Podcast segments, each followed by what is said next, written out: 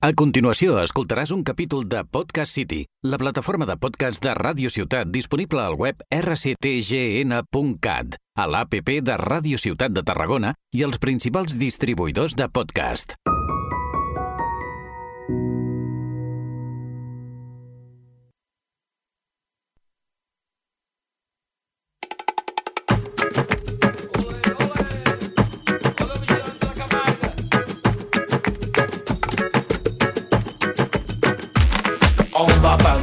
Dimanche au coude, en famille, en famille, que l'on soit riche ou non.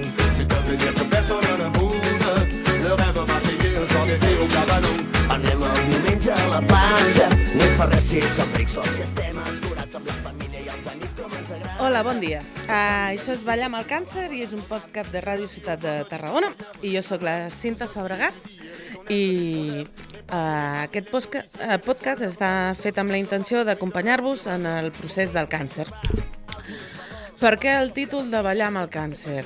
Doncs perquè sembla que en aquesta societat hem de guanyar, hem de vèncer, ens hem d'enfrontar, uh, en totes sempre sembla una lluita i al final jo com a pacient, com a malalta de càncer, el que estic vivint, que actualment encara el tinc, actualment eh, tinc càncer de tiroides, el que estic fent és viure un procés de ball on tinc passos endavant, passos enrere, més dels que jo voldria, i passos cap a la dreta i passos cap a l'esquerra, a vegades més accelerats, a vegades més curts i a vegades que quasi semblen eterns, però el món sembla que el món del càncer és més aviat un ball. I per tant, ballar amb el càncer, perquè és un procés on no el fas sol, tot i que et sentis sol en molts moments, que vas acompanyat i com tot el ball, com la música en aquesta vida, pues, uh, això, aquest programa intenta ser un acompanyament, no és un programa científic ni mèdic, sinó parlar de l'experiència, de les de la inexperiència, d'una promesa a mi mateixa de que la meva experiència servís als altres, d'acompanyar si algú troba un racó per escoltar aquest programa i que es troba sol o que pateix o que està en un moment o que li ressona la situació i d'un moment de vida.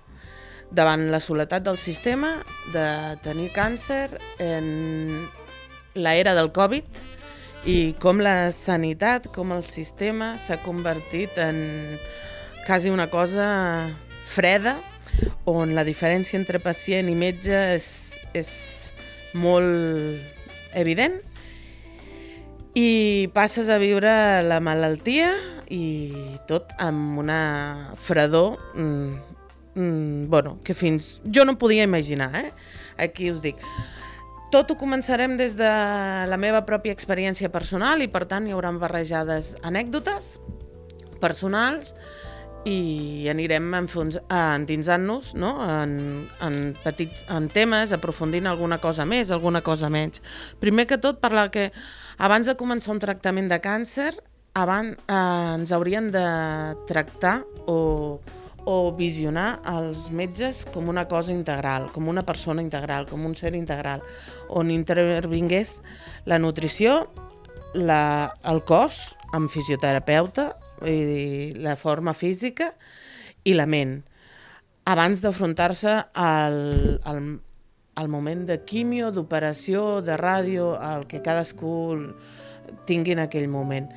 Hi ha diferents tipus de quimio, hi ha diferents tipus de tractament, però en quasi tots és un verí, bàsicament el que et fica en el cos, que no estem preparats. La medicina fa 50 o 60 anys que fa servir aquest tipus de verí i nosaltres mm, ha evolucionat bastant poc a, a com afrontar la quimio, però sí que diguéssim que podríem veure-ho que abans d'iniciar aquesta etapa hauríem d'estar de, forts mentalment, estar forts físicament i ojalà, no?, socialment, vull dir, ben acompanyats.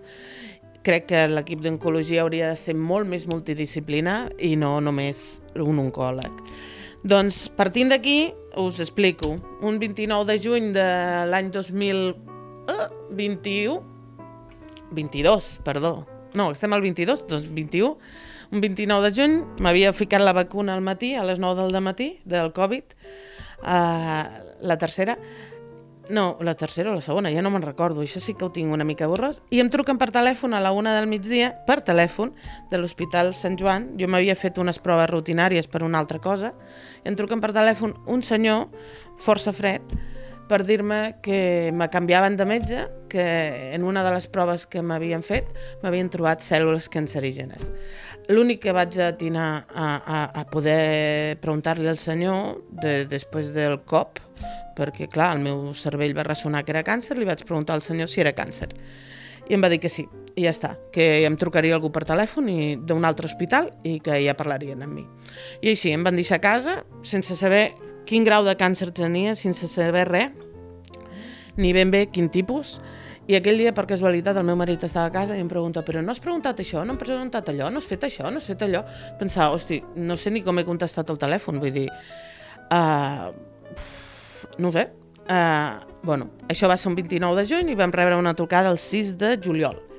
El 6 de juliol ens truquen de l'Hospital Joan 23 per dir-nos que havíem d'anar al metge el dia següent i que, no, que havíem d'anar al metge el dia 12, però el dia següent ens truquen que hem d'anar al cap d'un dia. Vull dir, tot això durant el procés, fins que em van operar, van ser un munt de decisions trucades i que van prendre per mi i en cap moment ni jo ni la meva família, ni la persona, el meu marit, que era qui més m'acompanyava, uh, van tindre poder de decisió. Um, què vull dir amb això? És que tots aquells dies, des del 29 de juny fins al 6 de juliol que em truquen, uh, òbviament jo no sé ni quin càncer tinc, perquè no surt ni a la meva salut. Mira que no sóc de Mirau, però ni surt allí. Ni... ni, ni sé quin càncer tinc, ni en quin grau el tinc, ni a qui he de preguntar, ni quin metge m'atendrà a partir d'ara. Senzillament que em canviaven d'hospital i que l'hospital a qui m'havien fet les proves ja no es feia càrrec perquè l'especialitat no li pertanyia. Doncs així m'inicio jo amb el món del càncer, en un món de alts i baixos, eh, com a malalta d'aquesta malaltia, on quasi avui en dia costa dir el nom, o si, el, o si associen el nom, l'assòcies amb, clar, amb, amb poca esperança de vida o amb esperança de vida i com al teu voltant, de cop i volta, no, es fica nerviós, al igual que tu. Tu, bueno, tu més aviat estàs en xoc. Els primers dos dies, si no me'l recordo, els vaig passar plorant i al llit, o de mala llet, algo així. El tercer dia, pues sí, ja va ser un, bueno, pues cinta xeca't i és el que hi ha, no? Però sí que em vaig permetre aquest moment d'enfonsar-me de, i d'enfadar-me amb la vida, que crec que és molt necessari, vull dir, estem en un món d'un optimisme super, hiper mm, activat i a vegades les coses no són optimistes i s'han de viure amb el seu valor, vull dir, no vol dir que no les superis, no vol dir que no les afrontis, no vol dir que demà t'aixequis o d'aquí unes hores, però sí li hem de donar espai al que ens passa i a, i a tot el que sentim. No donar aquest espai a tot el que sentim, el que ens passa, mmm, és allargar una situació que vindrà més endavant. I, el, i tal com us he dit, eh, el càncer està sent un ball, un ball que dura més d'una nit. Jo abans sortia molt de festa, no? I, i les nits a vegades se feien llargues, doncs dura bastant més que una nit. I vas canviant de ritme i vas canviant de parella fins i tot, com aquell que diu, de metges, perquè passes per un munt de metges en què cadascú mira la seva, la seva petita parcel·la, però no et miren a tu com a persona integral, no? I no res, era, era donar aquesta veu a, tot allò que jo vaig trobar a faltar, perquè ja dic, detectada un 29 de juny del 2022, plena onada de Covid, no sé quina era, primera, no, primera, segona, tercera i quarta, segur que no. Però una onada de Covid, hospital solitari, tot solitari, visites en solitari, sales d'espera amb només tu i algú més dins, que senties les converses de les altres persones, uh, amb poc acompanyament, ja de nul acompanyament des del sistema i poc acompanyament o poca possibilitat d'acompanyament dels propers, perquè, clar, no es podia anar als hospitals, no es podia anar enlloc, i per tant afrontes eh, una malaltia mm, que et canviarà la vida, mm, jo no dic ni a millor ni a pitjor, ni, no? Vull dir, hi ha gent que li és una revelació, hi ha gent que és un, malauradament no se'n surt, hi ha gent que pateix molt durant el procés. Uh, bueno, és un procés i en el procés t'has de sentir acompanyat, t'has de tindre una mà amiga, ja sigui el sistema, ja sigui uh, els metges, ja sigui un auxiliar, ja sigui el teu marit, ja sigui la teva mare, i això durant molt de temps ens ho van treure.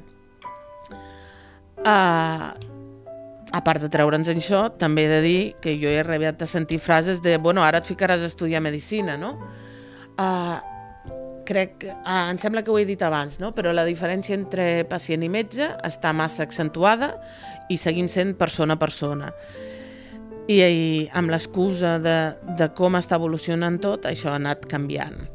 Llavors, era per, si volíeu tenir un, un procés d'acompanyament, aquí estic, us aniré fent diferents podcasts en diferents motius, amb diferents temes, ja sigui parlant amb coses concretes dels metges, ja sigui parlant amb quins professionals podeu visitar o he anat visitant jo, perquè eh, tal com va dir un metge, la teva qualitat de vida depèn del de, cirurgià que em va parar, la teva qualitat de vida depèn dels diners que tinguis per pagar-te una professionals fora de la medicina pública. Uh, doncs això, no? Uh, qui, quan estàs immers en aquest moment, què és el que serveixen els grans silencis, els grans acompanyaments del silenci, que hi tenim tanta por en aquesta societat. Acompanyades del silenci és un gran acompanyament. Les frases buides, que a vegades no volem sentir, doncs aquí, aquí estaré per anar, anar des, desgrassant o, o, o, o anar esmiculant una mica aquest procés, explicar-vos com evoluciona i evolucionar amb vosaltres eh, i viure aquesta etapa conjuntament i acompanyant. Vull dir, el, el, el ballar amb el càncer, al final, de moment, estem en ple ball i a poc a poc anirem afrontant-ho. En un geriátrico. Respira de una botellita de oxígeno. Vive en un proceso cancerígeno. Y en esa agonía una fantasía revuela su mente entre melancolía y buenos recuerdos de un mundo anterior busca la vida porque esto no es vida. Botella y viejitas son man atrevidas por la barandilla y es que no lo harían, pero no hacer nada sería suicida y salen volando por ese balcón en busca de la, la vida mejor. Has escoltat un capítol de Podcast City, la plataforma de podcast de Ràdio Ciutat disponible al web rctgn.cat, a l'APP de Ràdio Ciutat de Tarragona i els principals distribuïdors de podcast.